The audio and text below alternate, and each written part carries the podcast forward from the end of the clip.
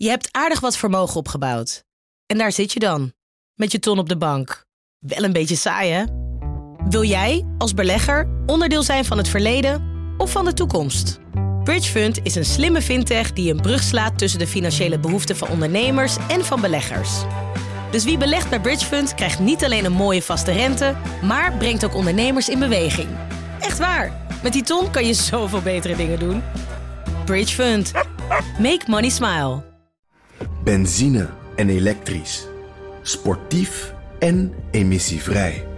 In een Audi plug-in hybride vindt u het allemaal.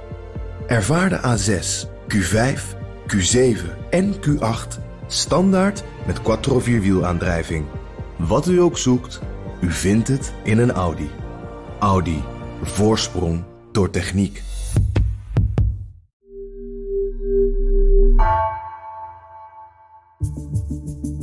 Vanaf de redactie van NRC het verhaal van vandaag. Mijn naam is Thomas Ruip.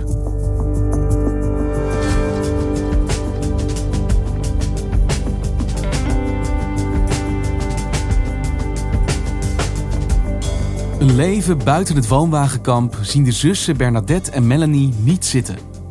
Maar op hun kamp blijven wonen is zo gemakkelijk nog niet. Nederland heeft een tekort aan standplaatsen voor woonwagens, blijkt deze maand opnieuw. De landelijke overheid wil het erfgoed beschermen, ziet verslaggever Denise Retera. Maar zit de gemeente daar wel op te wachten?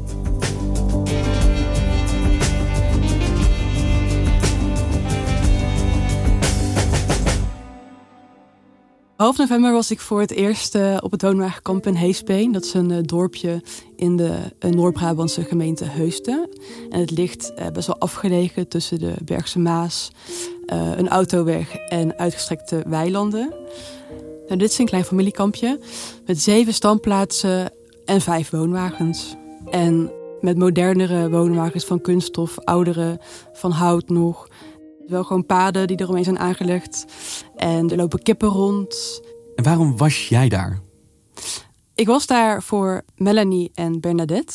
En dat zijn twee zussen van 24 en 27 jaar. Nou, Melanie is blond, Bernadette heeft donker haar. En uh, ze lijken helemaal niet op elkaar. Bernadette heeft best wel een grote mond en uh, altijd haar zegje klaar. En Melanie is zachter en best wel conflictvermijdend. Maar tegelijkertijd zijn ze allebei wel heel grappig en uh, praten veel, praten graag. Dus in die zin uh, hebben ze wel echt overeenkomsten. En een beroep, bloemist, waar ze heel veel liefde voor hebben.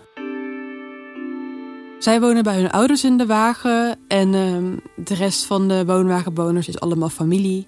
Een opa, ooms, tantes, nichten, neven. Links is mijn tante. Daar woont opa. Links tegenover mijn opa. Rechts tegenover wij. En recht Daar naar voren woont mijn oom. Ik heb natuurlijk aan ze gevraagd hoe ziet een gemiddelde woonwagen zomer weekenddag eruit. Nou ja, dan gaan ze gewoon met z'n allen barbecuen met de hele familie bij elkaar. Zie je ergens een rookpluim vandaan komen van een barbecue en uh, dan snuffelen waar die vandaan komt en dan uh, shockt alles daar naartoe. Grote partytent en drank en feest. Ja, dus gastvrijheid is iets belangrijks binnen deze familie. Ja, toen ik daar voor het eerst kwam, toen voelde ik me eigenlijk gelijk heel erg thuis. Want uh, ik moest mijn schoenen uitdoen en ik uh, liep over het zachte tapijt met mijn sokken naar de eettafel. En daar kon ik gelijk aansluiten. Uh, ik kreeg wat te drinken. We hebben me meteen avondeten aangeboden, wat nog over was. En wat vertelden deze zussen jou daar? nou, Melanie en Bernadette wonen nu nog bij hun ouders. En ze willen daar graag weg. Ze willen graag op zichzelf. Ze hebben daar samen een kamer. En ze hebben allebei een vriend. Nou ja, kortom, ze zijn gewoon wel toe aan een plekje voor zichzelf. En willen ze dan ook weg van het kamp, ergens anders gaan wonen? Uh, nee, nee, integendeel. Nee, het is de enige plek waar ze willen wonen. Uh, per se op dat familiekamp, ook niet op een ander kamp en al helemaal niet in een stenen huis of een appartement of wat dan ook. En um, ze lieten me ook uh, nummers horen, gezongen door woonwagenbewoners. Zoals Voor geen geld en geen juwelen van Lindsay. Die dus heel goed nou ja, hun gevoel verwoorden. In geen huis gebouwd op stenen. In een flat of een paleis. Nooit zou ik daar kunnen leven. Mijn wagen is mijn paradijs. Dus dan komen ze naast hun ouders te wonen op datzelfde kamp, is het idee. Dat is wat ze heel graag willen, ja. Er is een lege plek eh, naast de woonwagen van hun ouders. En een lege plek tegenover die lege plek. Die middelste En, eh, twee, daar zouden vakken moet, eh, voor ons kunnen haar. worden. Maar ja, Vooralsnog niks. daar zijn tot nu toe eh, parkeerplekken. Dus er is plek op het kamp bij hen. Nou ja, er is inderdaad plek met water, elektriciteit. Ze kunnen er zo eh, wonen. Eh, maar de gemeente maakt ze niet gemakkelijk. En eh, ja, dat speelt eigenlijk in heel Nederland op het moment.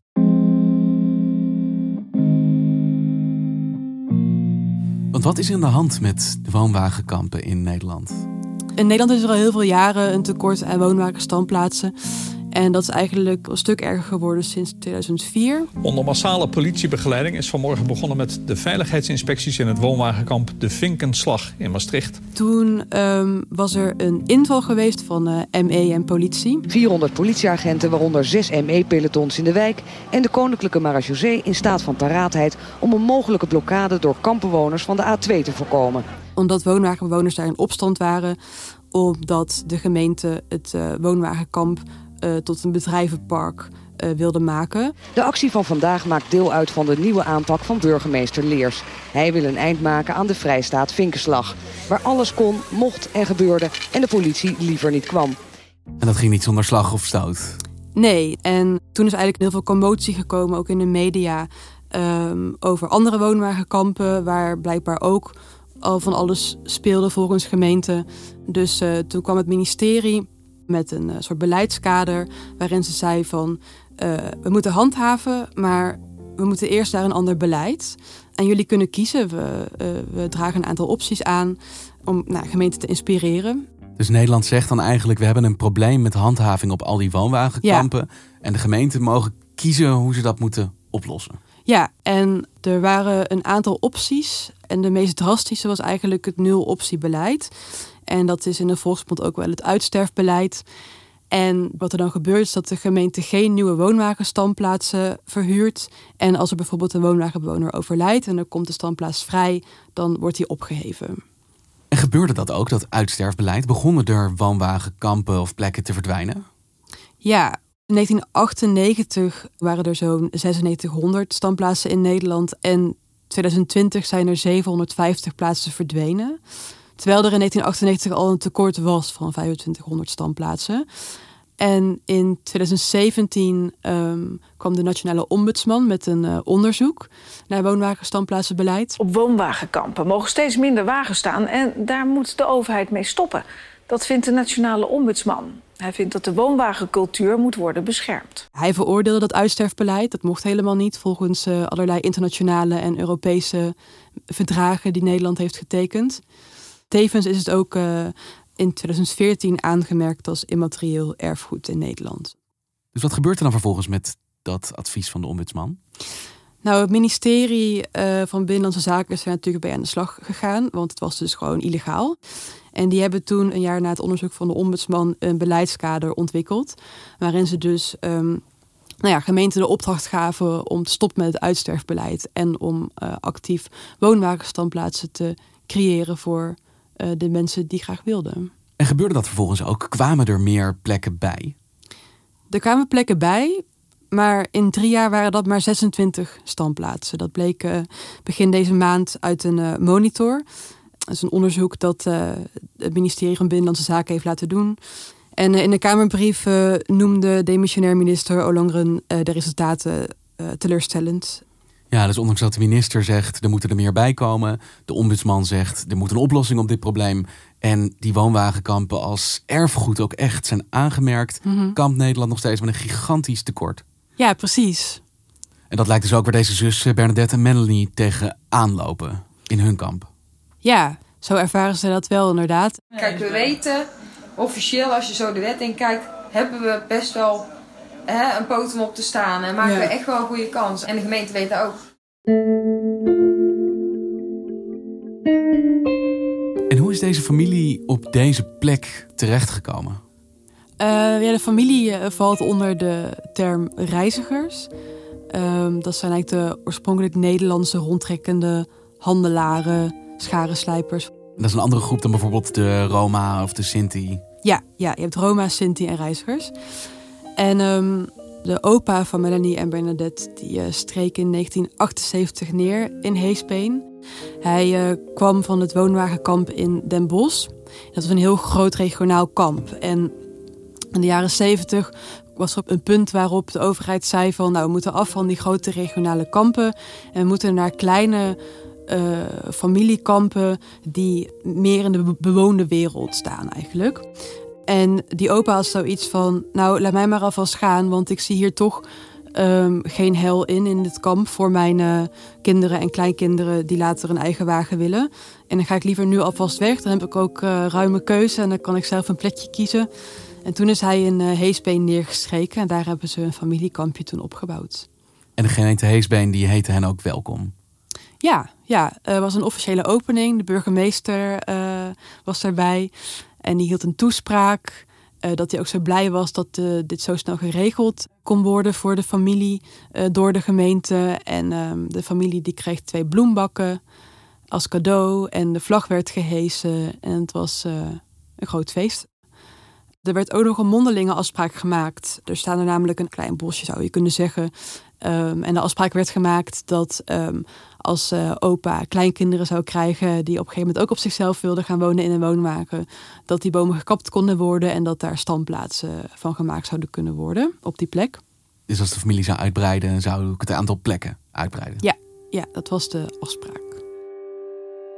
Maar als ik jou goed begrijp, is er in de verhouding tussen deze familie en de gemeente in de tussentijd een hoop veranderd. Ja, zegt dat wel. Om te beginnen de kwestie van de bomen en de eventuele extra standplaatsen. Die afspraken zijn nooit vastgelegd op papier. Dus dat is nu geen optie meer volgens de gemeente. Dus dat gaat niet gebeuren? Dat gaat niet gebeuren. Er zijn wel dus twee lege standplaatsen uh, op het kamp. Dus de meiden denken nu van dat gaan we proberen om die te krijgen. Maar ook dat is heel moeilijk. Uh, want uh, daar woonden ooit neven van hen. Uh, die zijn uitgekocht door de gemeente. Omdat de gemeente de situatie op het kamp niet brandveilig genoeg vond. De woonwagens stonden te dicht op elkaar. Dat was de reden. Dus ze hebben een aanbod gedaan. Ga ergens anders wonen. Ja, en... ja. En die neven hebben dat in goed overleg gewoon geaccepteerd. maar die meiden die willen niet van het kamp weg. En die willen heel graag die plekken huren. Maar ja, dat kan niet, zegt de gemeente, want brandveiligheid.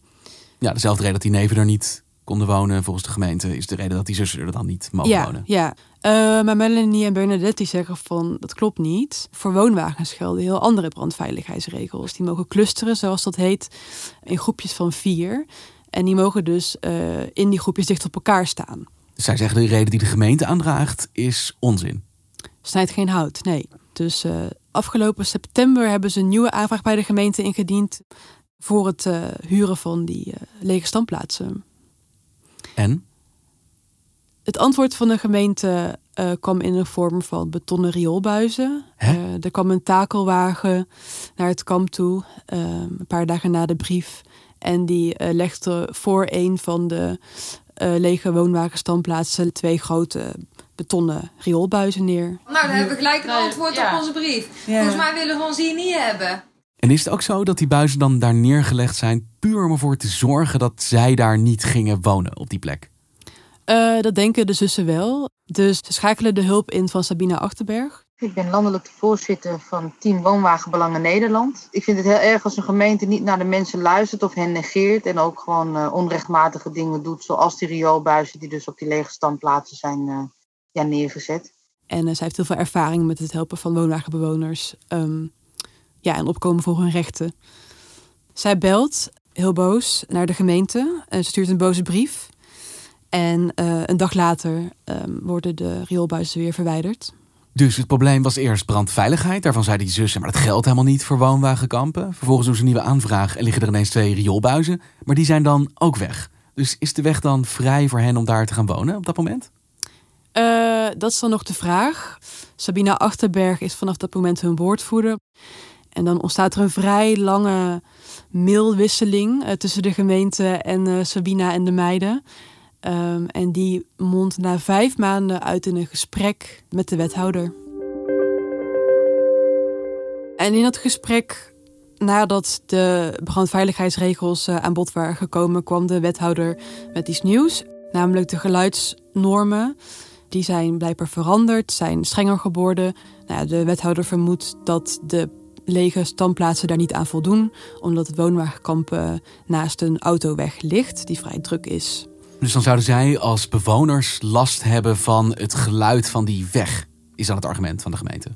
Ja, eigenlijk wel. Maar ze hebben natuurlijk zoiets van: we wonen hier al vanaf onze geboorte en we zijn dat geluid gewoon gewend. Dus waarom zou het nu opeens een probleem zijn? En zij vermoeden ook dat het maar een paar decibel zal schelen. Dus zij hebben zoiets van: volgens mij zijn ze woonwagenbewoners gewoon liever kwijt dan rijk bij de gemeente. Ik vind dat het er erg naar neigt dat het lijkt alsof ze misschien gewoon liever geen woonwagenbewoners meer hebben. En dat is het uitsterfbeleid en dat mag niet meer. En is dat zo? Hoe kijkt de gemeente ernaar? Zijn dit legitieme redenen of is hier inderdaad sprake van een beleid dat het vooral zo moeilijk mogelijk moet maken voor woonwagenbewoners om hun kampen uit te breiden? Ze zegt zelf van niet, de gemeente. Ze zegt zelf dat ze ja, juist heel erg met de woonwagenbewoners probeert mee te denken. En dat ze brandveiligheid heel belangrijk vindt. En dat het dus ook echt de reden was dat ze daar dus ook echt geen nieuwe woonwagens willen um, op die plekken om die reden. Het is geen excuus, maar gewoon echt een overweging, zegt de gemeente. Ja, ze vinden dat echt heel belangrijk. Hebben ze ook in het bestemmingsplan laten vastleggen. Uh, vijf meter tussen de woonwagens. Dus de gemeente ontkent ook dat hier sprake is van een zo'n wat jij een uitsterfbeleid noemt. Van eigenlijk, ja, we vullen het niet aan en dan misschien verdwijnt het vanzelf. Ja, de wethouder zei zelfs van. Uh, weet je wat ik een uitsterfbeleid vind? Wanneer een woonwagen in brand vliegt en de brand overslaat op andere woonwagens en het woonwagenkamp afbrandt. Dus de gemeente blijft echt vasthouden aan die brandveiligheidsregels die ze voor zichzelf heeft bedacht. Dus die uh, strenger zijn dan, uh, dan de landelijke regels. Dus lang verhaal kort, deze twee plekken gaan ze niet krijgen? Nee, zeker niet. Nee. Is dat zoals het ook verder in Nederland gaat met de woonwagenkampen? Er is nog steeds een groot tekort aan woonwagenstandplaatsen. Het aantal is afgenomen. Maar het is moeilijk om te achterhalen welke gemeente het nou goed tussen aanhalingstekens doet en welke het niet goed doet. Um, maar het is wel een feit dat er een groot tekort is aan woonwagenstandplaatsen. En dat gemeenten volgens die um, begin deze maand verschenen monitor wel moeite hebben met het doorvoeren van een uh, nieuw effectief beleid, zoals dat beschreven staat in dat beleidskader uit uh, 2018. Maar als eigenlijk de landelijke overheid zonder schroom concludeert dat hier een probleem zit, het tekort moet opgelost worden, er moeten meer plekken komen, waarom gebeurt dat dan niet gewoon? Ja, dat is ook uh, onderzocht uh, middels die uh, monitor, dat recent verschenen rapport van het ministerie van Binnenlandse Zaken. Gemeenten geven eigenlijk als voornaamste reden op dat ze een gebrek hebben aan kennis en, en, en, goede voorbeelden van hoe je dan zo'n nieuw woonwagenbeleid bedenkt en implementeert. Um, ook denken sommige gemeenten dat het heel duur is om woonwagenstandplaatsen te creëren en geven ze aan dat ze niet genoeg grond hebben om, uh, om dat te doen. En sommige gemeenten uh, noemen een moeizaam contact met bewoners. Want zit hier een element in van een landelijke overheid, een ombudsman die zeggen: ja, zeker, dat is belangrijk voor Nederland. Natuurlijk moeten we meer woonwagenkampen, dit is erfgoed. Maar gemeenten die eigenlijk denken: ja, prima, maar niet bij ons. Ja, dat is natuurlijk moeilijk te zeggen, omdat gemeenten dat niet zo snel uh, op die manier zullen uitspreken.